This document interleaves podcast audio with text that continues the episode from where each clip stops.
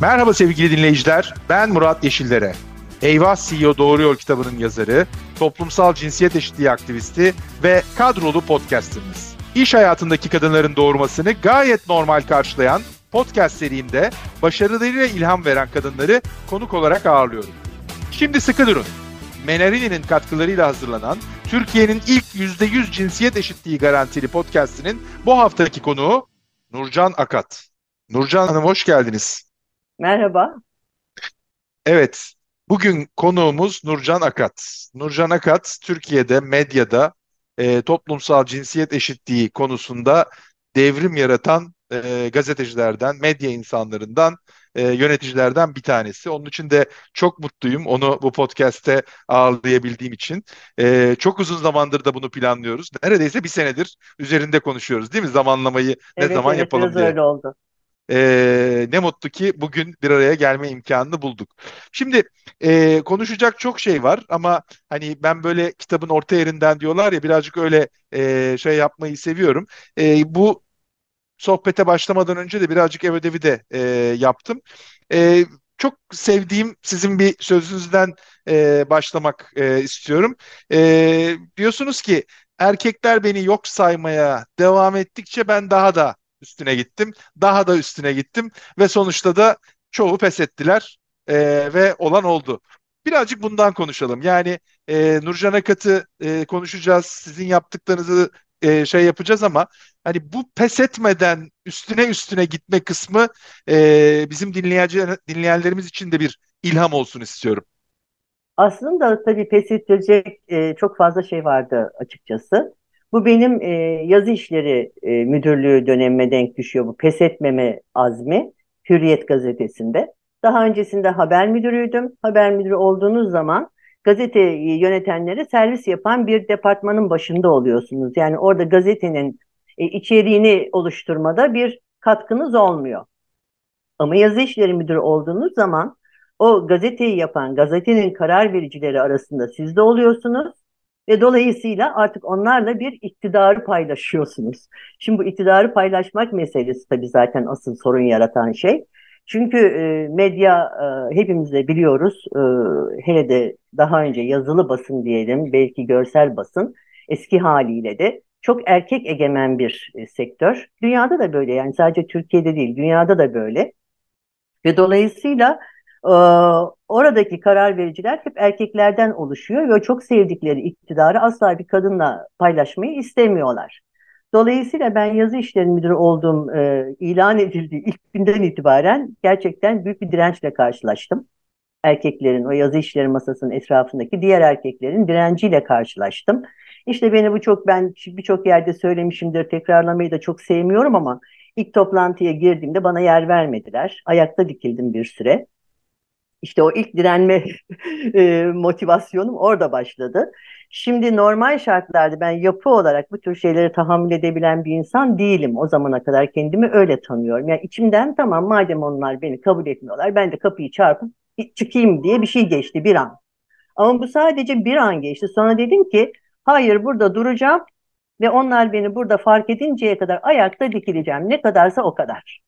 Ve hakikaten bana çok uzun gelen bir süre, belki o kadar uzun sürmedi ama ben orada ayakta dikilmiş bir kadın olarak beklerken bana çok uzun geldi.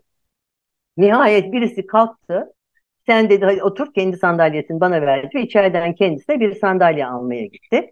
Dolayısıyla ilk şey böyle başladı.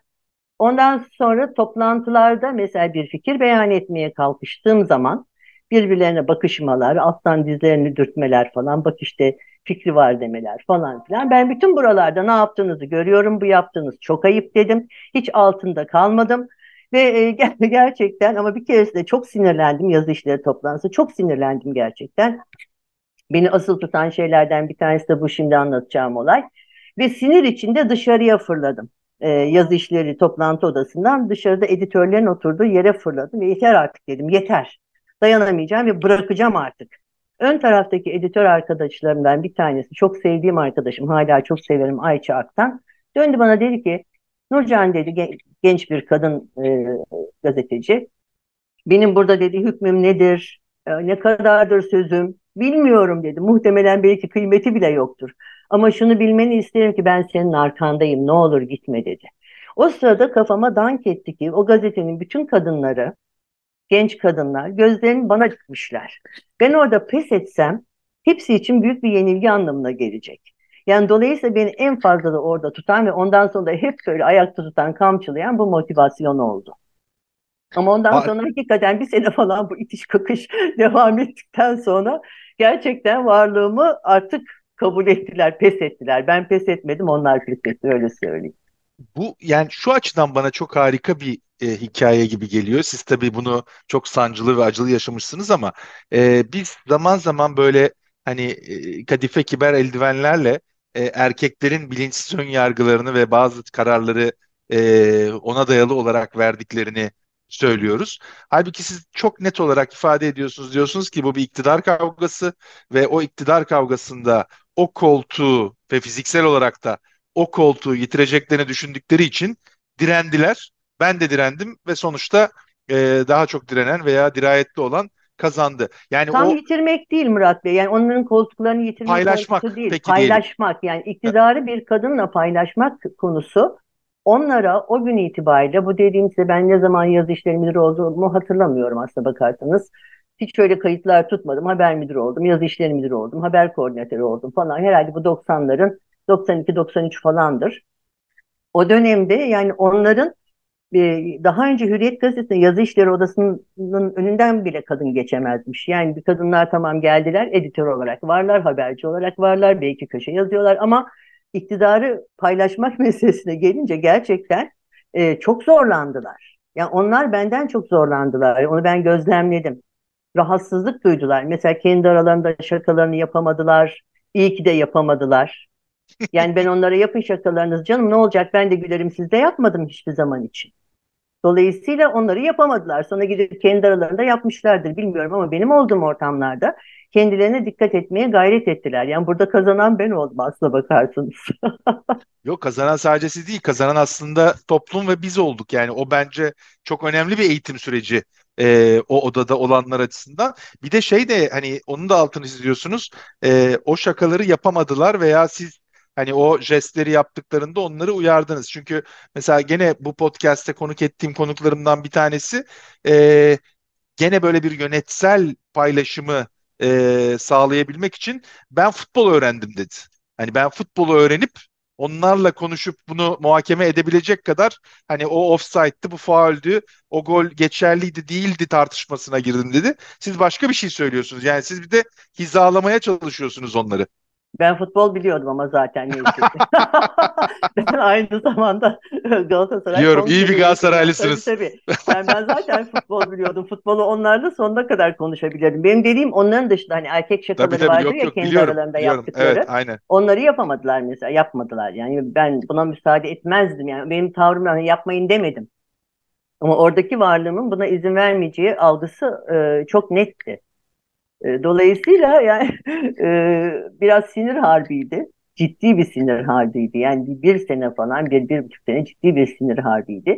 Ama onu büyük bir başarıyla yürüttüğümü düşünüyorum. Süper. E, sonrasında da aslında birazcık sizin hikayenize de hani e, öncesinde bir e, Ankara gazeteciliği e, var. E, bu bahsettiğim hikayenin öncesinde e, orada Nokta'yla Güneş'te e, daha sonra da Doğan grubunda devam eden e, yanlış bilmiyorsam arkasından Hürriyet sizin verdiğiniz bu e, dönem ve onun ardından da akşamda genel yayın yönetmeni olmanız var ki bu aslında herhalde Türkiye'de basın tarihindeki önemli kilometre taşlarından belki milatlardan bir tanesi bir kadın e, yazılı basılı medyada genel yayın yönetmeni oldu. Şimdi şöyle söyleyeyim aslında gazeteciliğe İstanbul'da başladım. İstanbul'da Nokta Dergisi'nin o efsanevi Nokta Dergisi'nin kadrosunda ilk kadrosuna dahil olarak başladım. Sonra patronum beni Ankara'ya gönderdiği için Ankara'ya gittim. Ankara'da 6 sene kaldım. Orada hem Nokta Hürriyet'in Ankara bürosu ve Güneş'te çalıştım. Sonra İstanbul'a hürriyetle döndüm tekrar ve dedik, hı hı. dediğim gibi işte 11 buçuk sene kadar hep yazı işlerinde yani gazete mutfağında geçti hayatım. Sonra genel yayın yönetmeni olarak akşama gittim. Şimdi şöyle söyleyeyim bu böyle Türkiye'nin ilk kadın genel yayın yönetmeni falan diye lanse edilince ben de bunu şöyle değiştirmek ve birazcık düzeltmek zorunda kalıyorum. Şimdi aslında Türkiye'de bir gazetenin e, genel yayın yönetmenliğini daha önce yapmış bir iki kadın var. Mesela Nurgün Hanım var, Nurgün Balcıoğlu. E, Gaziantep Sabah gazetesi. Hala da sanıyorum yayın yönetmeni olabilir, devam ediyor. Çünkü 80'lerin 80'lerin sonundan ya da 90'ların başından beri genel yayın yönetmeni. Fakat o bir yerel gazete. Sonra Gurbet ile Ersöz var. Kürt odaklı haberler yapan Özgür Gündem gazetesinde bir yıl kadar yanılmıyorsam 93 senesinde genel yayın yönetmenliği üstlendi. Ama o da bir şey e, sınırlı bir yayın. Dolayısıyla ben e, böyle bir şey söylendiği zaman diyorum ki Türkiye çapında, ülke çapında basılan ve dağıtılan bir gazetenin, akşam öyle bir gazeteydi, Hürriyet gibi, Milliyet gibi, genel yayın yönetmeni olan ilk kadınım. Yani ben bunu bu şekilde mutlaka düzeltmek istiyorum. Kimseye hak geçmesin. o kadar ee, o kadar harika bir şey ki bu. Çünkü e, ben de genelleme yapacağım ama bir erkeğe bunu söylesem hiç böyle bir düzeltme ihtiyacı olmadan bunun keyfiyle devam ederdi. Biz ama burada da çok net olarak o, kadın, o kadından hakkını nasıl yiyeyim? Hakkını yemeyelim yani diyorsunuz. Gerçekten Harikasınız. E, dolayısıyla e, gerçekten o günler için yani şu 2002 senesiydi. E, önemli bir olaydı. Bunun bu kadar önemli bir olay olması aslında çok ayıp bir şey. Yani hani 21. yüzyıla girmişiz. O zamana kadar olmamış. Halbuki ben değildim sadece o vasfa sahip olan. Bir bir birçok kadın arkadaşım, çok vasıflı kadın gazeteci var medyada. Mutlaka çoğu da hak etmişti ama erkek dünyası henüz onlara bir alan açmaya hazır değildi demek ki. O, o hazır oldukları an 2002'de gelmiş bana denk düştü. Ama dünyaya da baktığımız zaman Murat Bey maalesef dünyada da böyle manzara. Yani bu Türkiye'ye has bir durum değil. Benden çok daha geç zamanlarda 10 sene sonra falan işte New York Times'da, e, Le Monde'da, e, işte Bild'de 2010'lu yıllarda, 2011'li yıllarda kadınlar geldiler göreve. E, şu anda da sanıyorum Reuters'ın, e, Washington Post'un e, ve de Financial Times'ın e, yayın yönetmenleri kadın. Fakat çok enteresan, bakın sayabildiğim yayın kaç tane? 5-6 tane. Ve her seferinde bu kadınların göreve gelişi haber oluyor. Haber oluyor çünkü o kadar istisnai, o kadar görülmemiş, o kadar tuhaf bir durum ki yani orada da kim bilir ne kadar yetenekli kadın var bugüne kadar yani 170 yıllık bir gazete diyelim New York Times veya işte Washington Post yani bunlar bu, bu kadar sene içinde yayın yönetmenliği yapacak tek bir kadın yok muydu? Kesinlikle vardı ama işte erkekler o alanı açmak istemiyorlar. Öyle bir kapatıyorlar ki ne yapıyorlar? İşte köşe yaz diyorlar, haber yap diyorlar, şunu yap diyorlar, şu departmanı yönet diyorlar ama gel, gelip de bizimle lütfen iktidarı paylaşmaya talip olma diyorlar. E, mesele bu. Ne yazık ki yani çok üzüntüyle izliyorum. Oralarda da mesela kadınlar çok uzun süre görevde kalamıyorlar. Erkekler geldikleri zaman uzun uzun yerleşiyorlar. Ama kadınlar e, kısa bir süre sonra ya istifa etmek zorunda kalıyorlar ya görevden atılıyorlar. Yani çok enteresan. Burada da aslında e, son bir yıl içinde bunu hani böyle bir olgu olarak işleyen bir e, akım da oldu. Siz de takip etmişsinizdir. Özellikle zor koltuklara, zor dönemlerde tırnak içinde erkekler gelmediği ya da gelmek istemediği için kadınlar Geçi, geçişi, davet geçişi ediliyor. onlara yaptıralım. Tabii Evet. ki ben bunu ilk IMF'de hissetmiştim çok e, net. O sırada bir IMF'de skandal olmuştu. E, Strauss-Kahn onun bir e, IMF Dominic Strauss-Kahn evet, doğrudur. onun bir skandalı olmuştu. Tabii IMF çok zor durumda kaldı. O zaman hmm, Lagarde değil mi? Christian Lagarde. Evet. Christian Yani Lagarde. o, onu onu getirdiler görev boyu. Tamam dedim yani kadıncağızı resmen buraya e, zonk diye at fakat o çok dişli çıktı. E, şimdi zaten daha önemli başka bir görevde. Dolayısıyla Doğru. yani o tür geçişlerde hakikaten kadın olarak ben bunu hep hissediyorum ve görüyorum. Bunu bu sene de dillendirdiler. Benim yıllar önce fark ettiğim bir şey bu. O geçiş dönemlerini kadınlarla atlatalım sonra gelip biz tekrar e, güzel güzel güzel dönemlerde e, işimize bakalım. Bu şey gibi sosyal demokratlarla kriz dönemlerini atlatalım ondan sonra Amerika'da da öyle Demokrat Parti ile zor dönemleri atlatıp ondan sonra Cumhuriyetçi Parti ile canını okuyalım dünyanın diye. Yani böyle bir yaklaşım diyeyim. Ee, şimdi siyasi tarafını bilmiyorum ama e, Şöyle diğer ta- diğer taraftan e, yo şu açıdan şunu söyleyecek için hani ben de bu hani son bir yılda bu dillendirildi ve e, hani bunun e, motivasyonunu ve yapmak isteyenlerin niye yapmak e, istediğini anladığımı düşünüyorum sizin ifade ettiğiniz gibi. E, fakat ben burada e, çünkü bu akımın savunucuları bir de şeyi de söylüyorlar. Hani bu kadınlar bu görevleri kabul etmemeli. E, hani bu topa girmemeliler. Ben onu pek kabul edemiyorum. Yani eğer Yok, o kadın gir, gir, o gün evet değil mi? Onu kendine Evet, güveniyor, evet. inanıyorsa da ve Girdiler böyle de bir işte evet. şey varsa da işte. Lagarde çok güzel bir örnek. Hani başka Evet. örnekleri de burada çıkartabiliriz.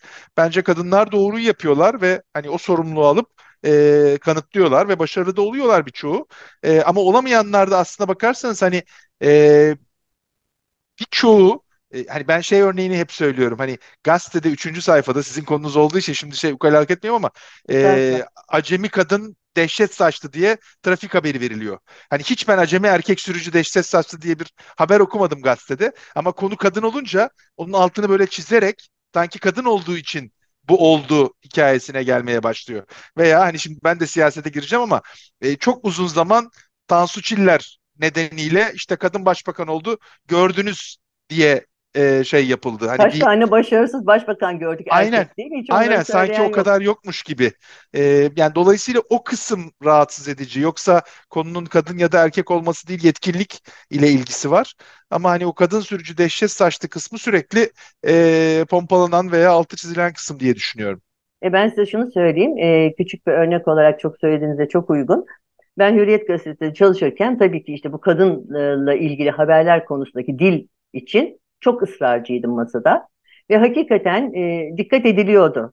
Sonra Akşam Gazetesi'ne gittim. Akşam Gazetesi'ne gider gitmez e, iki üç ay sonra birdenbire Hürriyet Gazetesi'nde bir manşet. Kadın pilot Trabzon Havalimanı'na teğet geçti. Şimdi Trabzon Havalimanı'na inilmiyorsa erkek pilot olsa teğet geçmeyecek mi? O kadar sinirlen. Demek ki dedim ki orada yıllarımı harcadım, uğraştım, didindim. Ayrıldığım anda o sübap kalktı ve rahatlandı. Herkes rahatlamış oldu. Şimdi orada da şunu görüyorsunuz. Yani hatır için sanki birazcık e, dikkat edilmiş. O şey gider gitmez hani o baskı unsuru oradan yok olur olmaz hemen rahatlanılmış. Ben burada oturdum akşamda bunun üzerine bu konu üzerine bir editoryal yazdım. O kadar tepemin tası attı ki yani ayrıldım gazetemi bayağı bir yerden yere vurmuştum o yazıda. Gerçekten Çok çok kötü. çok çok iyi yapmışsın. Peki bununla ilgili olarak hani deminki konuştuğumuza geri dönerek gene soracağım. Hani bu bahsettiğiniz de benim o kadife eldivenli bilinçsiz ön yargılar mı yazdırıyor bunu? Yoksa hakikaten birisi altını çizerek bak kadın olduğu için erkek olsa iner de uçak diye mi düşünüyor? Şöyle söyleyeyim, e, tabii toplumsal e, yargılardan, ön yargılardan böyle hemen üç günde beş günde sıyrılmak mümkün değil. O kadar yerleşik ki Einstein'ı açıkçası herhalde zaten gerçekten de söylemiş herhalde. Ön yargıları kırmak atomu parçalamaktan daha zor Hmm, diye. Gerçekten yani insanların o kalıplaşmış bir kere kalıplaşmış kadına ve erkeğe toplumsal olarak e, kalıplaşmış yargılarla yaklaşılıyor zaten. Üstüne bir de ön yargılar biniyor. O kadının kişiliğine, görünüşüne vesairesine ilişkin. Dolayısıyla bütün bunlardan sıyrılmak çok zor. Hemen o, o, o gayri ihtiyari harekete geçiyor. Sizin o son po- podcastinizde genç bir e, arkadaşımızla konuşmuştunuz. Ne tatlı. Yani ona 10 yaşındaki kardeşinin söylediği şey ne kadar çarpıcı. Diyor ki e, sizin senin seçeneğin var. Sen nasıl olsa evlenirsin ama benim bir seçeneğim yok. Yani çocuk 10 yaşında ve tahminimce çok doğru düzgün bir ailede yetişmiş bir çocuğun bile bu yargıyla hayatın içinde var olması çok dehşet verici bir şey ama öyle ya- yargılar öyle şekillendiriyor. Dolayısıyla e, hakikaten çok mücadele etmek gerekiyor ama bu mücadelenin odak noktasının e, hedefinin ben mutlaka erkekler olması gerektiğini düşünüyorum. Yani bütün verilecek olan kadın mücadelesinin hedefi erkekler olmak zorunda. Mesela hep şunu düşünüyorum. Çocuk maması veya çocuk bezi reklamları kadınlara dönük değil erkeklere dönük olmalı. Tencere, tava, işte bilmem ne mutfak araç gereçlerinin e, hedef kitlesi kadınlar değil erkekler olmalı. Yani bura- buralarda mutlaka dönüştürmek lazım. Bu rol sadece kadının rolü değil. Burada sen de varsın ve olmalısın. Yani erkeklerdeki o yargıları, toplumsal yargıları, sonradan oluşan ön yargıları, e, o ayrımcı yaklaşımı e, kırmak için gerçekten çok uğraşmak gerekiyor. Yani adım adım gidiyorsunuz, adım adım gidiyorsunuz. Bakın Me hareketini bile erkekler bir şekilde tersine dön döndürmeye çalışıyorlar. Kadınlar bunu işte çok e, suyunu çıkardılar. Çok yanlış kullanıyorlar. Bütün erkekleri suçluyorlar falan. Yani ellerine şey geçtiği anda hemen e, bir tersine çevirme. E, refleks bu. Herhalde bir e, refleks diye düşünüyorum. Dolayısıyla çok e, zor mücadele etmek. Yani o yargılardan kaynaklandığını düşünüyorum. Kötü niyetli ol, olduğunu düşünmüyorum. Yani orada fren kalktığı anda, üzerindeki fren kalktığı anda kendi yargıları serbestçe ortaya saçılıyor. Yani hep frene ihtiyaçları var. Bir şekilde bir uyarıya... Fabrika ayarları aslında evet, bir anda. Evet uyarana ihtiyaç var. Yani o uyaranı hep onlarla ilgili olarak tetikte tutmak gerektiğini düşünüyorum. Evet kadınlara burada rol düşüyor.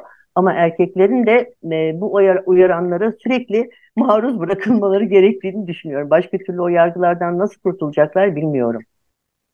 Çok çok çok önemli, çok değerli bir şey söylüyorsunuz. Yani bu e, hani belki güçlü bir kelime bizim dilimizde hesap sorma diyoruz ya. O hesap sorma olduğunda e, hani hiçbirimizin insanın hamurunda yok hesap vermek. O hesap sorma olduğunda e, beyin düşünmeye başlıyor. Aksi tarafta beyin düşünmeden daha önceki envantere Evet. bakarak karar veriyor. Evet öyle, karar veriyor. Yani e, ya da bazılarında şöyle bir şey oluyor. Mesela benim çok e, da rahatsız olduğum başka bir şey. Yine bilmeden yaptıklarını düşündüğüm. Mesela böyle çok korumacı bir e, cinsiyetçilikle yaklaşıyor. İşte ne bileyim ben çalıştığımız ortamda diyelim ki gazete ortamında abiler. Abi gibi oradaki daha genç kadınları, daha genç kızları korumaya çalışanlar. Yani hani orada bu da çok daha tehlikeli hatta düşmanca yaklaşımdan daha tehlikeli. Çünkü orada size yukarıdan bakıyor ve sizi korunmaya muhtaç, sevilmeye muhtaç, sanki aciz bir e, kişi gibi konumlandırıyor. Bu da var. Yani yaklaşımlar bu, bu da çok tehlikeli bir yaklaşım. Yani o kadar zor ki ve farkında olun. Erkekler bu şekilde davrandıkları zaman kendilerini feminist sayabiliyorlar. Kadınlardan yana olduklarını düşünebiliyorlar. Alakası yok. Yani orada hakikaten bir erkeğin bir kadın kendisiyle her şeyle eşit görebildiği bir noktaya gelirsek eğer e, o zaman her şey hallolacak ama oraya da ne zaman gelinir hiçbir fikrim yok. Çok zor. Bütün Çok dünyada zor. bunları bu söylediklerimi ben bütün dünyada yani izlediğimiz yayınlardan, haberlerden hepsinden görüyoruz. Bu sadece Türkiye ile ilgili bir sorun değil. Yok çok haklısınız. Ee, sadece son söylediğinizle ilgili olarak da benim şöyle bir endişem var. Hani burada biz bize konuşuyoruz. Hani bütün dünyadayı ona birleştirdiğimizde bu da bir mazeret oluyor. Yani bu Ay, ortamda biz evet bunu konuşurken. Aa, Yo, evet, biliyorum sizin o anlamda evet söylemediğinizi o ama hani erkeklerin tarafında böyle bir mazeret de var. Ya dünya bunu çözememiş. E, her yerde böyle. Bak bizdeki oranlarla e, Amerika'daki veya Avrupa'daki oranlarda farklılık yok. Şimdi bu da mazeret olmamalı. Hani herhangi bir konuda Değil, olmamalı. çözmek için adım atmıyorlar. Çünkü kendileri o adımları atmayanlar Tabii, çoğunlukla onlar zaten. Yani evet. tabii. Dolayısıyla e, bu, yani hiç mazeret olarak söylemiyorum. Sadece bunun ne kadar vahim e, ve yaygın bir e, Kesinlikle ona hiç şüphem yok ama ben sadece altını istedim çizmek de açıkçası. istedim Evet, e, evet. burada. Peki e, sohbetimizin bu e, noktasında bizim e, programımızın destekçisi olan ve bu toplumsal cinsiyet eşitliği konusunda da e, bize destek veren e, Menerini ki daha fazla sağlık, daha fazla mutluluk, daha fazla hayat e, misyonu ile çalışıyor. E, konuklarımıza sormamızı rica ettiği bir soru var. E, daha mutlu, eşit bir toplum için cinsiyet eşitliği bağlamında, toplumsal cinsiyet eşitliğinin sağlanması bağlamında hemen bir şeyi değiştirecek olsanız ve bunu yapabilecek gücünüz olsa, yani böyle bir sihirli değnekle bir şeyi değiştirme imkanı olsa, ne yapardınız? Şimdi yani erkekleri yok ederdi diye bir cevap. Başka türlü başka türlü bunun başa başa çıkamayacağız ama yani işin şakası. Ee, ama e, belki şöyle bir kural e, yani burada en önemli sorun toplumsal cinsiyet e, eşitliği açısından sanıyorum bence kadınların iş gücüne katılımı ve e, yönetim kademelerindeki temsil oranı. Dolayısıyla orada mesela çok kesin bir kural getirerek tabii ki liyakat çok önemli ama aynı vasıflara sahip kadınlar ve erkekler arasında çok eşit bir temsiliyet ve e, iş gücüne katılım oranını mecbur tutardım. Mesela yönetim kurumlarında yüzde elli erkek, yüzde elli kadın, yüzde altmış kadın da olabilir ama yüzde ellinin altına kadın düşmemeli. e, gibi. Yani bu tür bir kural o, olabilirdi bilmiyorum ama e, ve mutlaka eşit işe eşit ücret. Aynı işi yapan kadın ve erkek bu çok yaşamsal bir konu. Hala çözülebilmiş değil her yerde. Eşit işe eşit ücret. Bu da bir mecburiyet ve çok sıkı denetlenmesini sağlardım. Yani bu bir adım bu bir adım buradan başlanır ve ondan sonra giderdi. Ama bakın siyasete katılma oranı Türkiye'de çok düşük. E, iş gücüne katılım oranı çok düşük. Eğitim, eğitim tabii ki eğitime katılım çok e, kötü bir durumda. İlkokuldan sonra kız çocukların çoğu okuyamıyorlar, devam edemiyorlar vesaire. Ve dolayısıyla bütün bunlarda yani kadın ve erkeğin eşit oranlarda temsil edileceği ve var olacağı bir düzen kurmaya çalışırdım. Yani başka türlü bu işte bu ve özellikle yönetim kademelerinde bu da hem kamu yönetimi hem özel yönetimler, özel şirket yönetimleri ve her türlü sektörde yüzde elli en az şart olacak. Çünkü başka türlü olmuyor. Yani bakıyorsunuz ben de mesela evet yönetime girdim. Hürriyet'in karar vericileri arasındaydım ama tek başına bir kadındım. Tek başına kadın olduğunuz zaman ne kadar uğraşırsanız uğraşın başa çıkamıyorsunuz o yargılarla. Ama o masada diyelim ki 6 kişi toplanmışsak, 3'ü kadın, 3'ü erkek olduğu zaman manzara çok farklı olabilirdi. Her yer için bu böyle. Peki biraz önce de aslında e, hafif değinerek geçtik oradan ama bu son söylediklerinizle birleştirerek toplumsal cinsiyet eşitliğinin bizim dönemimizde hani gözükür gelecekte sağlanabileceği konusundaki düşünceniz nedir? Bu konuda e, e, kadınların verdiği mücadeleyi, kadınların yıllardır Türkiye'de yani en en değer verdiğim e, hareket kadın hareketi. Ben içinde ne yazık ki yer almıyorum. Hep dışarıdan çok büyük takdirle izliyorum. O gencecik kadınlar, her yaştan kadınlar her zaman her yerde büyük bir aktivite içinde e, talepleri dile getiriyorlar, uğraşıyorlar. Kadın cinayetlerin önlenmesi veya kadınların e, şiddet gören kadınların sığınabileceği yerlerin açılması vesaire gibi konularda yani inanılmaz bir hareketlilik içindeler. Yani kadın hareketi e, de çok bel bağlıyorum bir kere bir onu söyleyeyim. İkincisi erkeklerin zihniyetinde dönüşüm yaratma için yola çıkan bazı inisiyatifler var. Bunlardan bir tanesi Yanındayız Derneği. Ama yine buna benzer bazı dernekler var ve bunların içinde hakikaten erkekler çalışıyorlar. Doğrudan erkekler erkeklere konuşuyorlar. Bu çok doğru ve önemli bir yaklaşım. Bu tür oluşumların, bu tür yaklaşımların, bu, bu oluşumların faaliyetlerinin de artması gerekir. Ee, az önce söylediğim gibi kamudan özel sektöre e, kadınların e, yönetimde, yönetim kademelerinde temsili konusunda artık kafaların değişmesi gerekir. E, ve kadınların iş gücüne katılımının da desteklenmesi gerekir. Yani e, ve e, eğitim tabii. Dolayısıyla çok iş var gibi görünüyor ama hep beraber kalkışıp ucu bırakılmazsa gidecek bir yerlere. Çünkü bugünkü kazanımları kadınların 20 yıl öncesinden çok daha fazla. Belki küçük gibi görünebilir ama çok daha fazla. Bir 20 yıl önce işte o tacizler e, hiç e, üzerinde durulmayan tacizler Me Too hareketiyle bugün bütün dünyada çok önemli bir noktaya geldi. Yani kadınların susmaması, kadınların konuşması çok değerli. Mesela ben bütün e, genç kadın arkadaşlarıma mutlaka şu iki şeyi mutlaka ve mutlaka hayatınızın içine yerleştirin ve bunları yapmaktan korkmayın diye tavsiye ediyorum. Tutarlarsa tabii ne ala ama çok kıymetli olduğunu düşünüyorum. Bir kere kadınlar bir, hayır demeyi bilmeliler. Hayır. İkincisi sana ne demeyi bilmeliler. Çünkü o kadar çok toplumsal olarak hayatların içine burnunu sokan kişi, kuruluş vesaire var ki yani bunlara da direnmeyi, tabii bunlara direnirken de yalnız olmamayı e, bilmeliler. Yani kadın dayanışması, kadın dayanışmasına destek verecek olan erkekler, yani hep beraber bunu bir şekilde halledeceğiz herhalde. Yani bilmiyorum ben görür müyüm ama böyle adım adım gidecek ve e, hallolacak. Bugün İzlanda'da mesela kadınlar e, bir günlük greve gittiler eşit işe, eşit ücret ve eşit haklar için. İzlanda Başbakanı da kadın biliyorsunuz. O da katıldı bu bir günlük greve ve diyor ki bu eşit işe eşit ücret meselesi ancak 300 sene sonra hallolur. World Economic Forum'un 2022 raporuna göre de orada bu sorunun ancak 132 sene sonra hallolacağı e, söyleniyor. Yani yol uzun. Yol uzun ama yol uzun diye bıkmamak lazım ve beni cesaretlendiren e, gerçekten işte az önce söylediğim ismini unuttum lütfen siz bana hatırlatın. En son podcastinizde konuştuğunuz genç arkadaşımız o kadar tatlı, o kadar güzel, o kadar bilinçli. Yani inanamadım bu kadar genç bir kadının bu denli bilinçli olması çok güzel ve onun tabii arkadaşları, onun yaş grubu çok çok çok e, umut verici bir şey. Belki biz çok ağır adımlarla ilerledik ama onlar belki koşarak gelecekler. Bir takım şeyler daha hızlanacak. Dolayısıyla e, biraz burada gençlere, genç kadınlara, genç erkeklere e, çok daha fazla bel bağladığımı söylemem lazım. E, bu şekilde Murat Bey.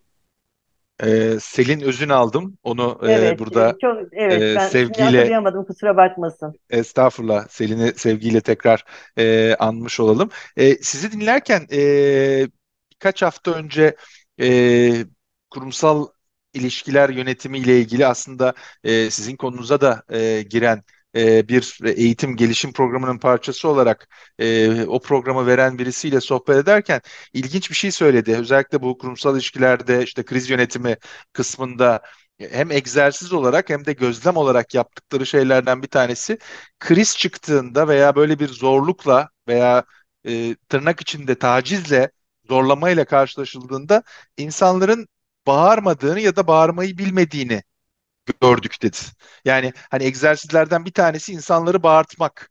Hani burada yanlış bir şeyler var, bir kriz var, sıkıntı var şeklinde bağırmaları aslında bir anlamda o whistleblower diyorlar ya hani evet. o refleksi kazandırmak çok önemli diye. Sizin söylediklerinizde birazcık onu Nature duyuyorum ben. hareketi evet yani onlar konuşmaya başlamak, yüksek sesle dile getirmek, korkmamak ve dayanışmak. Yani orada hakikaten e, sahip çıkmak, kimseyi yalnız bırakmamak ama e, hayır demek, sana ne demek ve gerçekten e, teşhir etmek, ifşa etmek. Bunlar çok önemli. Gizlememek gerekiyor. O korkularla yıllarca insanlar, kadınlar e, uğradıkları bütün tacizleri, uğradıkları mobbingleri, illaki cinsel taciz olması da gerekmez ama kadın olarak uğradığı mobbing var. Bunları hep içlerine atmak zorunda kaldılar ve psikolojilerini bozdular. Dolayısıyla artık rahat rahat sosyal medya gibi bir olay var. Herkes oradan istediği gibi başına geleni yazabiliyor ve de o yazıldığı anda da derhal e, binlerce kişiden destek alabiliyor. Yalnız kalmıyor. Yani o da bir avantaj. Bizim zamanımızda böyle mecralar yoktu. Kime anlatacaksınız derdinizi? Peki e, sohbetimizin veya podcastimizin süresinde yavaş yavaş sonuna doğru geliyoruz ama bir iki konuda daha özellikle görüşlerinizi e, almak e, istiyorum. Bir tanesi yani medyayı çok konuştuk e, ve medyada bu anlamdaki e, tırnak içinde ayrımcılık ve o iktidar paylaşımının ne kadar zor olduğunu. Öteki taraftan da sizin de söylediğiniz gibi dünyada da e, örneklerin sayısı artıyor. İstediğimiz hızda olmasa da e, bu tarafta bir gelişme var. E, bir gözlemde hani medyanın e, aslında e, göz önünde olan kısmı yani ekran önünde veya işte e, daha fazla görünür olan kısmı ile ilgili olarak orada da başka bir seçicilikten bahsediliyor. Yani seksist bir şeye doğru gidebilecek bir seçicilikten bahsediyor. E, ilk podcastlerden bir tanesini e, Ahu Özyurt'la e, yaptım. O hani enteresan bir şekilde dedi ki genç ve 34 beden kadınları görmek ya da göstermek istiyorlar e, medyada şeklinde. Bu konuda ne söylersiniz, neler düşünürsünüz? Öyle maalesef gerçekten yani saçlar sarı olacak, bakımlı olacak, genç olacak. Ama erkekler istedikleri yaşta, istedikleri şekilde ekrana çıkıyorlar ve daha yaşlı bir erkek e, ekranda daha güven verici oluyor. Daha yaşlı bir kadın ekranda niçin güven verici olmuyor? Ben de onu anlamıyorum. Yani bu yine bir erkek bakış açısı. Şimdi o aslında aynı bakış. Bakın eskiden gazetelerin arkasında e, arka sayfa güzelleri vardı. O arka sayfa güzelini genel yayın yönetmeni yanındaki erkeklerle beraber seçiyordu. Gerekçesi neydi? Erkek okurlarımız bunu istiyorlar. Yok, erkek okurlarımızın bunu istediği falan yok. Anket mi yaptınız? Erkek okurlar size mektup mu yazdı arka sayfaya bikinili kadın koyun illaki diye? Hayır. Yazı işlerinde o masanın başında olan erkekler bunun böyle olması gerektiğine karar vermiş. Şimdi burada da televizyon yöneticileri daha genç ve güzel bir ekran yüzüyle daha fazla ilgi çekeceklerini zannediyorlar. Hiç de öyle değil. Hiç de öyle değil. Bakın Ayşenur Aslan yıllardır e, yaşı bayağı ilerlemiş olmasına rağmen son derece izlenen programlar yapıyordu Halk TV'de. Daha yeni kesti programlarını. Herkes oturup Ayşenur'un programını izliyor. Neden? Ayşenur Arslan o kadar tecrübesiyle O kadar yani 1970'lerden itibaren Türkiye'nin bütün Türkiye'de gelişen bütün olayları içinden izlemiş bir gazeteci olarak başka çoğu gazetecinin yapamayacağı kadar esaslı yorumlar yapabiliyor, biliyor, görüyor, yaşamış, kendi yaşantısında hissetmiş, acısını çekmiş, kahrını çekmiş. Dolayısıyla insanlar oturup ben çok konuşulduğunu duydum. Birçok çevreden Ayşenur Aslan'ın programında şöyleydi, Ayşenur Aslan şöyle dedi diye. Bakın bu bunu tamamen tersine çeviren bir olay. Dolayısıyla ben o bakış açısının izleyenlerden değil, yönetenlerden geldiği kanaatindeyim hala ve bunda ısrar ediyorum. Bunun kanıtı hakikaten çok somut kanıtı Ayşenur'dur. Ayşenur Arslan'dır. E, çok güzel. Ben de hani daha değerli bir örnek verdiniz. Ben Christina Mampur e, Christina Mampur da tabii dünyadan verecek olursak evet. Christina Mampur tabii ki. Tabii ki yani onu ay yüzünde ne kadar çizgiler oluşmuş, ne kadar yaşlanmış diyor muyuz? Film artisti miyiz biz? Biz yıldız mıyız? Gazeteciler güzel sanatçı mıyız? Sahneye mi çıkıyoruz? Bizler gazeteciyiz, haberciyiz. Yani tipimiz ne olursa olsun bizim için esas olan yaptığımız işi esaslı bir şekilde yapmak, doğru haber sunmak, kamuoyunu doğru bilgilendirmek, e, kanıtlarını sunmak. Dolayısıyla bunu yaptığınız sürece yaşınız, başınız, cinsiyetiniz, görüntünüz önemli değil. Olmamalı. Zaten kimsenin de bunu önemsediği yok hakikaten izleyicilerden. Yöneticiler işte o erkek yöneticiler var ya. Onlar öyle düşünüyorlar. E, biraz önce siz e, reklamlar konusundan bahsederken de aslında orada da işte bu dış sesin erkek olması diye bir e, şey var. E, nasıl diyelim saplantı var. Yani yüzde 85'i dış sesin hala erkek sesi. E, hatta ben reklamcılarla konuştuğumda reklam verenlerin ses e, örnekleri gittiğinde hani 10 örnek gönderiyoruz 5'i kadın 5'i erkek bize kadın sesi göndermeyin bundan sonra diyecek kadar bu konuda e, şey olduğunu söylüyorlar ama ben akademisyenlerle konuştuğumda iletişimcilerle bu konuda elle tutulur anlamlı bir araştırma bulamadım. o da yargı. Sizin Onlar bahsettiğiniz gibi. Yani erkek erkek konuştuğu zaman sanki daha güvenilir, kadın konuştuğu zaman daha az güvenilirmiş zannediliyor. Alakası yok. Bir erkek de çok sevimsiz konuşabilir. Ses tonu uygun değildir. Bir kadın çok şahane konuşabilir. Ses tonu, işte cümleleri kullanması, e, diksiyonu çok iyidir. Bunun hiç alakası yok ama bu tabii çok ileri gitti. Mesela bu Siri benzeri e, şeylerde e, konuşma e, robotlarında artık cinsiyetsiz bir ses bulmaya çalışıyorlar. Yani evet. ne erkek ne kadın, ne erkek diye kadınları rahatsız etsin, ne kadın diye erkekleri rahatsız etsin. Cinsiyetsiz bir ton bulmaya, kadın şey, ses tonu bulmaya çalışıyorlar. Bence hiç değil nasıl nasıl anlattığınız, nasıl sunduğunuz, nasıl konuştuğunuz önemli olan. Çok kötü konuşan erkekler de var çok güzel konuşan kadınlar da var. Ne alaka? Değil mi? Tamamen öyle. Son soru olarak da e, genellikle bu podcast'i o şekilde bitirmeye çalışıyorum. E, medyayı da örnekleyebiliriz ama genel olarak hayatın değişik alanlarında söylediğinizi tekrar edeceğim ve ben de e, çok katılıyorum. Bu konu bir erkek meselesi ve erkeklerin değişmesi lazım. Erkekler değişmeden e, bu konuyu biz düzeltemeyeceğiz. E, bununla ilgili olarak ben hani hiçbir soru işareti olduğu düşüncesinde değilim. Bununla birlikte kadınların sizin yaptığınız o direnmeyi ve hesap sormayı yapmanın haricinde yapabileceğini düşündüğünüz, sizin yol boyunca tanıdığınız kadınlara bu anlamda tavsiye ettiğiniz, rehberlik verdiğiniz, koçluk yaptığınız başka bir şeyler geliyor mu aklınıza? Doğrusu hayır ben en çok asıl rehberlik işe yarıyorsa diye söylediğim şeyi zaten söyledim. Hayır deyin, sana ne deyin kendi kişisel hayatlarınızda. Onun dışında hakikaten birbirlerine sahip çıksınlar. Aslında hep kadın kadının kurdudur diyorlar ya hiç öyle bir şey yok. Yani bu da uydurulmuş bir o da, evet, e, uydurulmuş, gerçekten uydurulmuş bir şey. Mesela ben genel yayın yönetmeni olduğum zaman kıyamet koptu kadınlardan o kadar coşkuyla, o kadar e, kadınlardan böyle çığlık çığlığa tebrik, telefonları, çiçekler, mektuplar, te telgraflar aldım.